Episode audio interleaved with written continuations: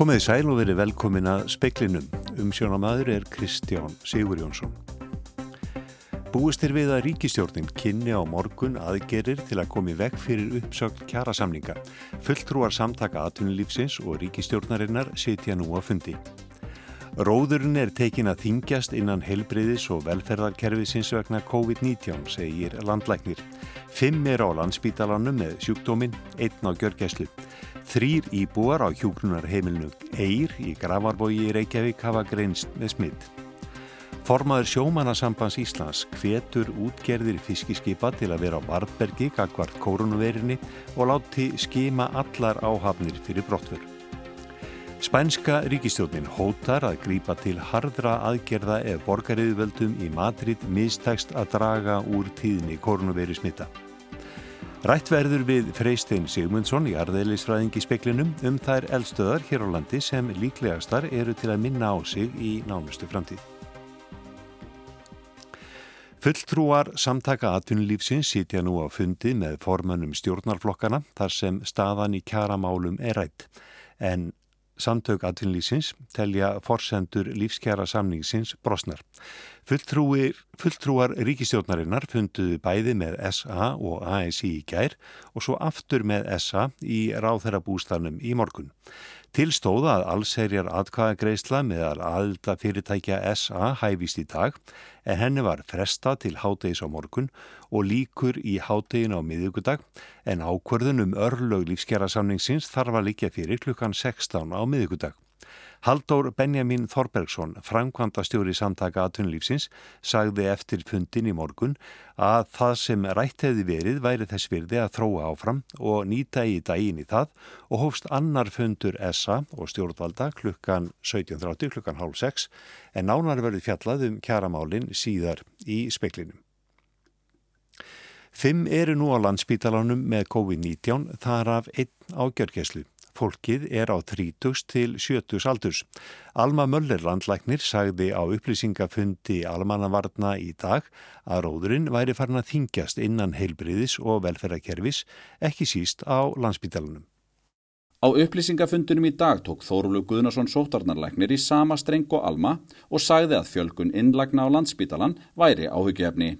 Sú fjölgun hafi þó verið viðbúin og að toppnum er þið náð á allra næstu dögum.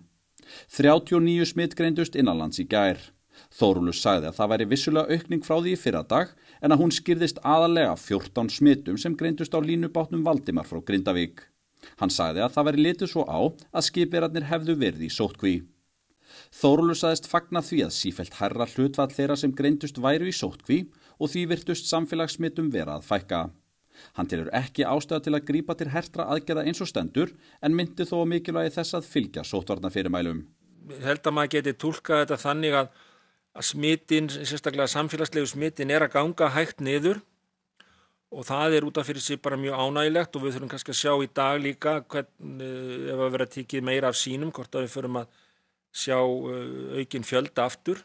E, þannig ég til ekki ástæði til að grípa til hertra aðgerða núna en þetta er náttúrulega í sífældri endurskoðun og, og hérna við munum gera það ef að, ef að ástæða þykir til. Sagði Þórólur Guðnason, Jóhann Bjarni Kolbensson tók saman. Þrýr íbúar á hjúgrunarheimilinu Eir í Gravarvogi í Reykjavík hafa greinst með COVID-19 smitt. Íbúi á heimilinu greindist með COVID-19 á fastu daginn en áður hafði starfsmæður þar greinst með sjúkdóminn. Nú hafa tveir íbúar til viðbútar greinst. Það sögn Kristínar Högnadóttur, frangvanda stjóra hjúgrunasviðs Eirar, er nú verið að útbúa COVID-dild á Eir. Dildin verður í húsnaði sem hefur hýst dagþjálfun eirar og flist svo starfsemi annað. Starfsfólk sjúkrahúsins á Akureyri hefur verið beðum að takmarka samgang við fólk af höfuborgarsvæðinu vegna smittættu. Viðbræðstjórn sjúkrahúsin sendi starfsfólki tölvupost þess efnis í síðustu viku og ítrekkaði efni hans í dag vegna fjölkunar smitta á svæðinu. En tíu starfsmenn sjúkrahúsins eru í sótkví eftir að fyrirlesari á vísindadeginum sem haldin var í síðustu viku greintist með COVID-19. Sigurður E. Sigursson, frangvandastjóri lækninga og sjúkrahúsuna á Akureyri, segir að sjúkrahúsið beini þeim tilmælum til starfsfólks að beita almennri skinnsemi og fara ekki inn á rauð svæði. Þá segir hann að þótt fylstu varuðar hafi verið gætt á vísindadeginum hafi verið talið örugast að nokkri starfsmenn sjúkrahúsins færu í sótkví. Þeir fari í skimin á 50 dag og geti komið aftur til starfa um leið og neikvæð niðurstaða liggi fyrir. Formaður sjómanarsambands Íslands hvetur útgerðir fiskiskipa til að vera á varbergi kakvart kórnuverinu og herða eftirlit og skimun. Engverjar útgerðir hafi það fyrir reglu að skima áhafnir fyrir brottfur en atbyrðir síðustu daga síni nöðsinn þess að allir tæki upp þá reglu. COVID-19 smitt hafa komið upp á tveimur fiskiskipum síðustu daga. Allir skipferir á línuskipinu Valdimar GK reyndu smittaðir og eitt skipferi á skuttóranum Þórunni Sveinsdóttur var feð. Valmundur Valmundsson, formaður sjómanarsambands Íslands, segir þetta mikið áhyggjöfni. Já, þetta er mikið áhyggjöfni. Þetta er, er ekki grín að fá smittum bóði skip. Það er, sljókt að ganga með manna. Unnu staðurinn skip er, það eru menni mikil í nátt og, og það verður eiginlega ekki komast hjá því. Í fyrstu bylgjunni í vor hófu útgerðir að skima áhafni fyrir brottför á kolmunarskipu meðal annars og á einhverjum skuttórum fórum en ekki frá borði meðan verið var að landa ef þeir áttu næsta túra á eftir. Ég veit til þess að menn hafa verið að passa sér með þetta alveg frá því í vor, kannski aðeins slakað á í sömar eitthvað en ég held að þessar frettir líka herði á því að menn fari að gera meira því og, og passa sér bara betur. En þú heldur að sjómanafórustan tækja upp núna, þetta verður rætt og, og kannski hert á þessu? Já, ég, ég, ég held það bara, ég held maður ekki bara til þess sko. að menn hefði á, á svo törnum og farið að láta skíma meira eða er ekki að byrja að ráði bara. Þetta var Valmundur Valmundsson, Ágúst Ólafsson talaði við hann. Búistir við að öryggisrað saminuð þjóðana komi saman til lokas fundar á morgun til að ræða ástandið í héræðinu Nagorno-Karabakh. Þar hafa harðir bardagar verið háðir frá því í gær þegar aðskilnaðasinnum og stjórnarhernum í Azerbaijan lendi saman. Þjóðverjar og frakkar fóru fram á fundin. Belgar, brettar og eistar stiðja að ráðið verði kallað til fundar. Borgariðuvöld í Madrid á Spáni verða að herða baróttuna gegn útbreyslu kórnuverinar. Ella þurfa stjórnvöld að grípa til sinnaráða til að draga úr faraldrinum, segir dómsmála ráð þeirra Spánar. Ferðafrelsi rúmlega einnar miljónar íbúa Madridar var takmarkað í síðustu viku. Fólk verður að halda sig innan hverfisins þar sem það býr. Það má einungis fara út úr hverfunum vegna vinnu, skóla eða til að leita sér leknishjálpar. Þetta dögur ekki til, saði Juan Carlos Campo, domsmálar á þeirra í útvarp viðtali í dag. Hann bætti því við að ef borgarífur völd undir fóristu hægrimanna getu ekki komið böndum á koronaveiruna, yrðir ekki stjórnin að grípa til sinna ráða. Hann tók ekki fram hver þau væru. Veru smitt á spáni eru orðin fleiri en 700.000 frá því að heimsfaraldurinn brast á. Þau eru hverki fleiri í löndum Evrópusambandsins. Yfir 31.000 landsmenn eru látnir. Smitt á hverja 100.000 íbúa eru hátt í 300 um þessar myndir. Í Madrid eru þau fleiri en 720. Frá því að neyðarlög vegna faraldursins voru afnuminn 21. júni hefur baráttan gegn veirunni verið á forsjá stjórnvalda í sjálfstjórnarherðum spánar. Isabel Díaz Ayuso, fórseti Madridar hérads, sagði um helgina að ekki kemi til greina að grípa til útgöngubans í höfuðborginni. Það hefði allt of afdreifaríkar efnahagslegar afleðingar. Ásker Tómasson sagði frá. Þrjú íslensk fiskiskip voru í síðustu viku staðin að myndum ólöglegum veiðum innan lokarasvæða í íslensku etnahagslagsögunni. Frankvandastjóri aðgerðasviðs landhelgiskeslunar segir fátítt að svo mörg mála þessu tægi komu upp með svo stuttu millibili. Skipin voru við veiðar annars vegar söður að Snæfellsnesi og hins vegar undan söðustulandi. Áskrimur Lárus Áskrimsson, frangvandastjóri aðgerasviðs landhelgiskeslunar, segir að talsvert meira hafi verið um ólöglegar veiðar áður fyrr. Í dag er þetta yfirleitt út að menn uh, aðeins miskilja og taka ekki nógu vel eftir varðandi veiðisvæðin sem þeir eru á, hvaða reglur eru gildi. Það getur satt að þetta sé óvart. Áskrimur segir að máli verið öll kjart til áreglu og segir að meðaltali komu 25 til 30 mála þessu tæju upp á hverju ári. Þetta er nú í það mesta en, en það er ímisgangur á þessu. Það er á ábyrg skipstjóra viðkomandi fiskiskips að, að hérna, vera með þá reynu hvaða reglur eru gildi. Er aflengjar upptakur? Nei, það er nú vennilega ekki gert nú dags.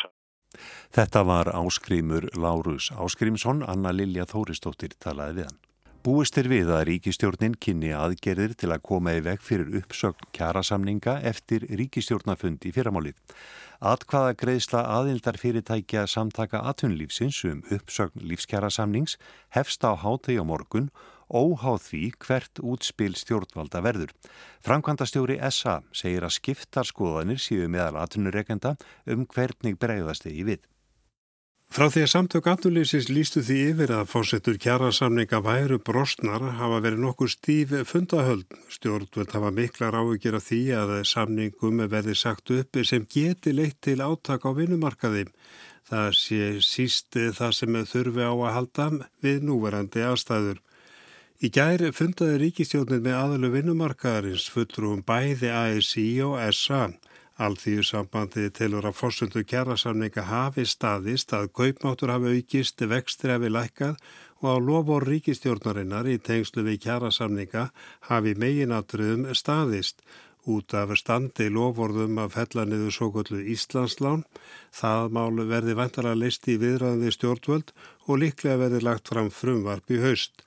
Alþjóðsambandi er ekki til viðtalsum að fresta launahækkunum sem verðum áramótin, ni heldur að mótframlag atvinnureikenda í lífyrísjóði verði lækkað tímabundið. Viðraður í dag hafa verið á milli samtaka atvinnulífsins og ríkistjórnarinnar eða fulltrú hennar og það hafa líka verið einhver samtöl milli stjórnvalda og alþjóðsambansins. Það er verið að vinna að ákveðnum tillögu sem munu létt undir rekstri fyrirtækja eftir því sem næst verður komist verða aðgerðunar almennar að hluta sem þýra þær ná til allra fyrirtækja. Það er hins að vera ekki verið upplýst hvað verður í pakkanum. Það skýrist vantilega því að enn hafa ekki allir nútar verið nýttir. Aturreikundur hafa bent á að það sé ekki einungis ferðarþjónustan sem að COVID-19 bitna á heldur gæti áhrifana nær allstaðar í atvinnlífinu. Í ágúst mældist atvinnleysi í gisti og veitingageranum 16,5% sem kemur alls ekki óvart. Hins vegar var atvinnleysi um 13 af 100 í flutningarstarfsemi, rúm 12% í vestlun, um 11% í ímissi sérhafrið þjónustu, 7,8% í yðnaði og tæplega 7% í mannvirkjagerð. Minsta atvinnleysið er í fiskvinnslu og fiskveiðum 2-3% en samt sem áður hefur atvinnleysi í þessum geirum aukist talsvert með við ágúst í fyrra. Það er búist við að á ríkistjónafundi verði laga fram ákveðna tilur um aðgerri til að koma í veg fyrir að kjara samningu verði sagt upp og að hér er logi allt í vinnudeilum í haust tilur að verða í kjölfari kynntar. Atkvæðagreisla fyrirtækinan SA hefst eh, klukkan 12 á hátegi á morgun og líkur á hátegi daginn eftir. Vægi atkvæða fer eftir stærð fyrirtækja. Það er ekki ljóst hver niðurstað verður, hins vegar verður að hafa í huga að ef þetta verður framvindamála að þeir sem greiða atkvæða morgun hafa vittneðskum hvað er í vantalum aðgerapakka ríkistjórnarinnar. Það kann að hafa áhrif á afstöðu þeirra.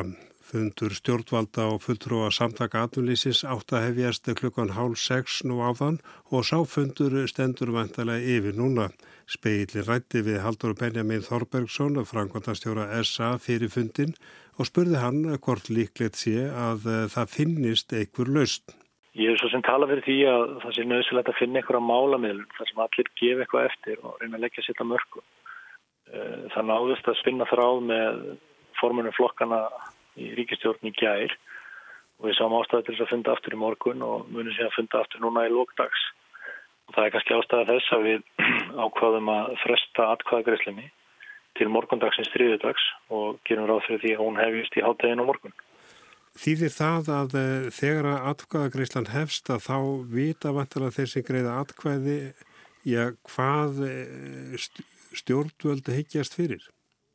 Það væri ekki ólíkleg framvinda ef þú spyrir mig. En eins og ég segi, það er ekki komin einn yfirstæði þetta mála enn og við munum hittast aftur og eftir og mögulega aftur í kvöld. Þannig að það er fjöldi lausra enda í þessu og þetta er svona eitt af þeim dæmum þar sem ekkert er búið fyrir en allt er búið. Kemur ekki til greina að reynilega blása af þessu atkvæðagreyslu? Ég heika að úr því sem komið er þá munum við búa til þessara ratkvæðagreyslu og það markist fyrst og fremst af því að það eru mjög skiptar skoðanir eins og ég hef líst innan samtaka aðtunulífsins hvaða stefnu eigi að taka í þessu máli, hvernig eigi að bregðast við koronakreppunni. Og ég ekki að það sé einfallega hálft að nýta þennan líðræðismekanisma sem við eigum og búum yfir og ég sé ekkert sem að mælir gegn því. Sumir hafa bent á að þetta snúist einungi sum ferðarþjónustuna en þið hafa verið að bent á að atunleysið í að hýslast um eh, allt samfélagið eða allar atvinnu greinar. Það er náttúrulega engum blöðum um það að fletta að atvinnuleysi er vaksandi í öllum undirgreinum Íslands atvinnulífs og við hefum einfallega bent á þá staðurinn sem liggur, liggur fyrir og er óvíð fengjanleg. Að það er verulegur vöxtur í atvinnuleysi í öllum atvinnugreinum en það finna öll fyrirtæki fyrir koronakreppinu með einum öðrum hætti og það er það sem við hefum reynd að leggja áherslu á í dag og í gerð. Þetta var Haldur Benjamin Þorbergsson, Arnar Páll Haugsson talaði við hann.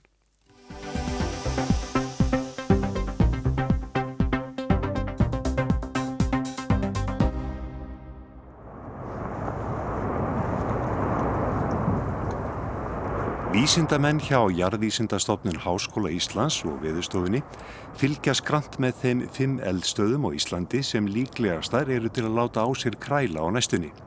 Bárðarbungu, Grímsvötnum, Heklu, Köllu og Reykjaneskaga.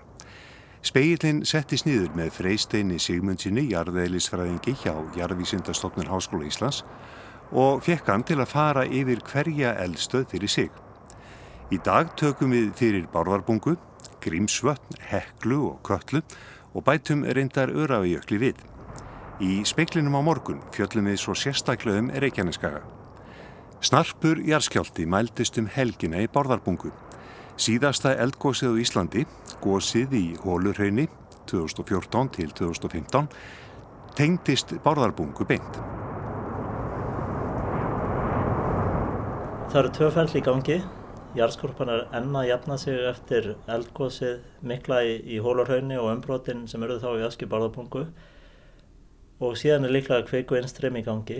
Og þetta er langtíma ferli sem er búið að vera núna alveg síðan að, að gósinu laug. Það hafa komið heil margir svona sambarlegi skjáltar og það hefur verið mikil skjáltaverkni og auk þess greinum við landriðs sem segir okkur að það sé þrýstu aukningi rótum eldstöðurnar er eh, von þarna á gósi innan ekki svo langs tíma? Það þarf í rauninni að vakta svæði vel, þetta segir okkur það fyrst og fremst. Barðarbunga er þá í þeim hópi eldstöða sem við erum að hafa sérstaklega gætur á, en hvert það leiðir okkur, við erum ekki alveg sem það. En nágranninn, Grímsvöld? Já, uh, þar hefur verið landris og þrýstu aukning síðustu árin það sem er sérstatt við Grímsvötn er þessi hætta sem hefur verið talað um af, af jökulhlaupi núna í haust. Það er mikið vatn í Grímsvötnum og skindileg breytingi þrýstingi eh, getur haft áhrif á, á kveikukerfi í eldstöð. Það er í rauninni bara svipað og þegar við skrúum tappa af góðsflösku þá, þá sjáum við gasbólur stígu upp. Þetta getur haft áhrif á hvernig gaslosnar. Það getur líka haft áhrif á brotmörk og við teljum að, að Grímsvötn sé mjög nálagt brotmörk mörgum á, á þann hátt að eldgóðs getur orðið það þurfi lítið til að koma eldgóðs á stað og þá getur þessi breyting verið sérstök þannig að við þurfum að fylgja sérstaklega vel með hvað gerist ef það kemur til jökulaups. Þessar tvær eldstöðar, Grímsvötn og Bárðarbunga er, er mesta hættan á gósi eða einhverjum atbyrjum þarna á öllum stöðum á landinu? Það er kannski erfitt að segja en ég held að vegna þess að Nú er mikið vatni grímsvötnum, þá sé grímsvötn svo elstu þar sem að eldgóðs gæti verið hvað líklegast. En við verðum alltaf að horfa á að það er, það er hópur af eldstöðum sem eru í, í sveipiðum aðstæðum. Það eru grímsvötn, barðabunga, hekla, kalla og, og síðan Reykjaneskægin. Þetta eru kannski svona það sem mér finnst fimm líklegustu eldfjallasvæðin til að sína meiri virkni. Ef við tökum heklu næst, hvað sjáum við þar? Það er það sem við rætt um núna í, í mörg ár, það er lítilsáttar þrýstu aukning og, og landreis sem við tengjum við að, að kvika hafi streymt nánast jæmt og þétt inn í rætur allstöðurinnar síðan í síðasta heklugósi. Nú er hens vegar komið 20 ár, lengri tími en leið á milli góðsuna þar og undan, þannig að klárlega hefur fjalli getað þanist meira út. En varð fyrir fyrir gós meða við þetta að það sé svona jæft kveikustreimi. Hekla er kannski eina fjallið sem er þannig á Íslandi í, í, dag. En það segir okkur að, að ferling geta verið flókin.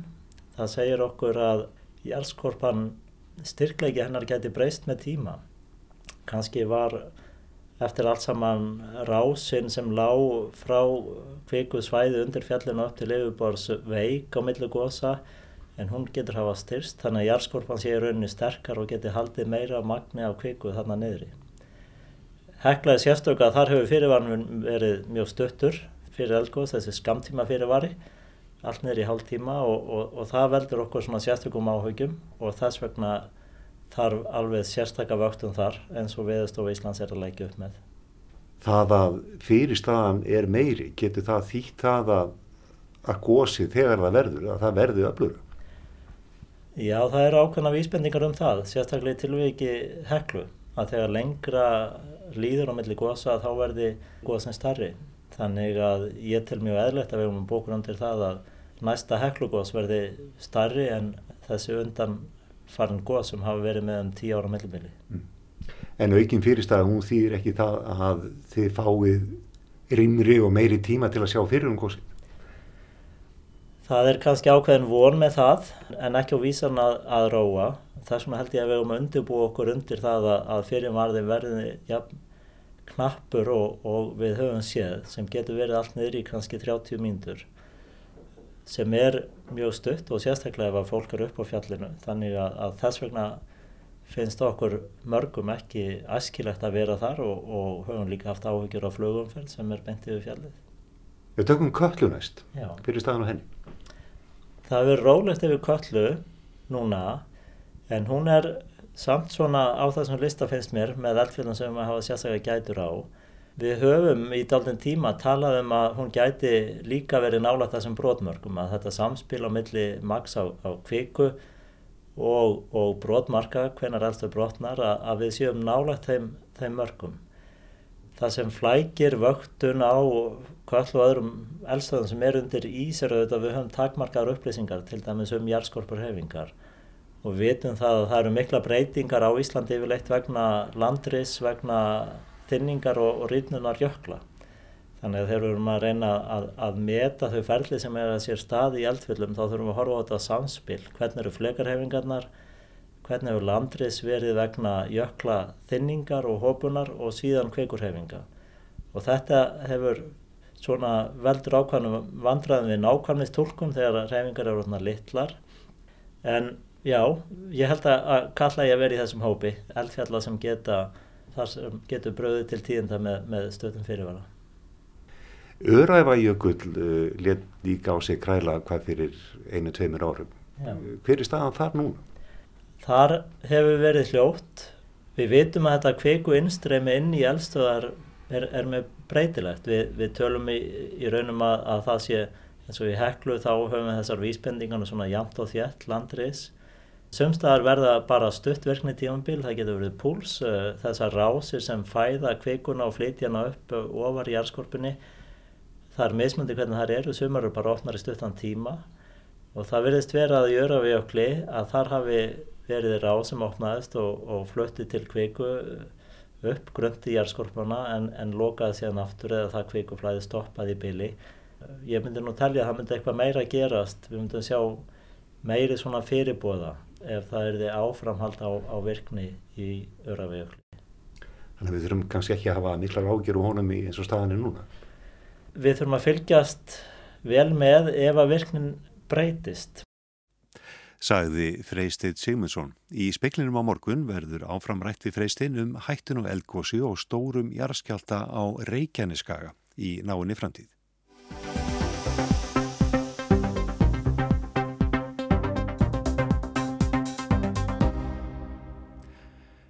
Öllum að óverum hækkar verða á húsnæði þegar allt virðist takmarkunum háði í koronakreppunni.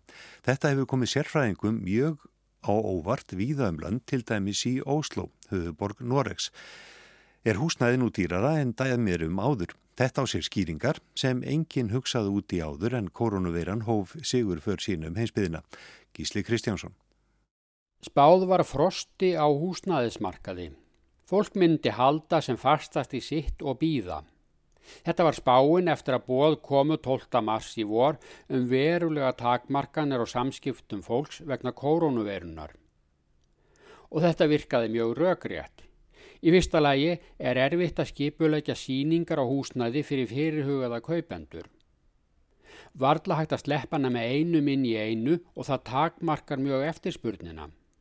Í öðru lagi má búast við efnahagsamdrætti vegna koronavirunar og þar að leiðandi fallandi verði á húsnæði. Fólk hefur í korónukreppinu ekki efni á nýjum hýpílum og leggur ekki út í að kaupa ef verð fer lækandi. Verðmæti tapast ef verð lækkar. Því er raugrætt að álíkta sem svo að allir hljóta haldað sér höndum, býða þar til kreppunni vegna heimsfaraldur sinns líkur en þá megi jafnvel rekna með miklum umsviðum á húsnæðismarkaði og að margir hugsið sér þá til hreyfings eftir langa byggð. Hagstofan lagði fram sína spá á þessum forsendum í vor og flestir kinguðu kolli. Frosin húsnæðismarkaður taldi náðst hefur að hemja veikina. Svo verður staðan nefn eitthvað óvænt gerist. En svo gerðist allt annað en spáðu var. Hagstofan hefur nú gefið út nýja spá um mikil viðskipta húsnæðismarkaði og tekið mið af því sem gerðist í raun og veru. Kaupendur húsnæðis virðast ekki áfyllt spám um að loka nú butunni og halda sig heima. Húsnæðismarkaðurinn er í fullu fjöri og verð hækka nú örar en verið hefur um langt ára bil. Íbúaverð er nú hærra hér í Óslo en dæm er um áður. Ósköp venjulegt tryggjaherbergja íbúð kostar nú alltaf jafnverði 100 miljóna íslenskar króna. Verð hefur hækkað um 10% á einu ári Bara í fyrra mánuði hækkaði verðum 4%. Hvað er að gerast? Nú segja sérfræðingarnir að margt sé að gerast samtímis. Fljótlega eftir öllum sem gætu var skipað að sinna vinnu sinni heima og skólar báðu nefnendur um að fylgja uppfræðsla á netinu tók að bera á aukinni eftirspurn eftir húsnaði.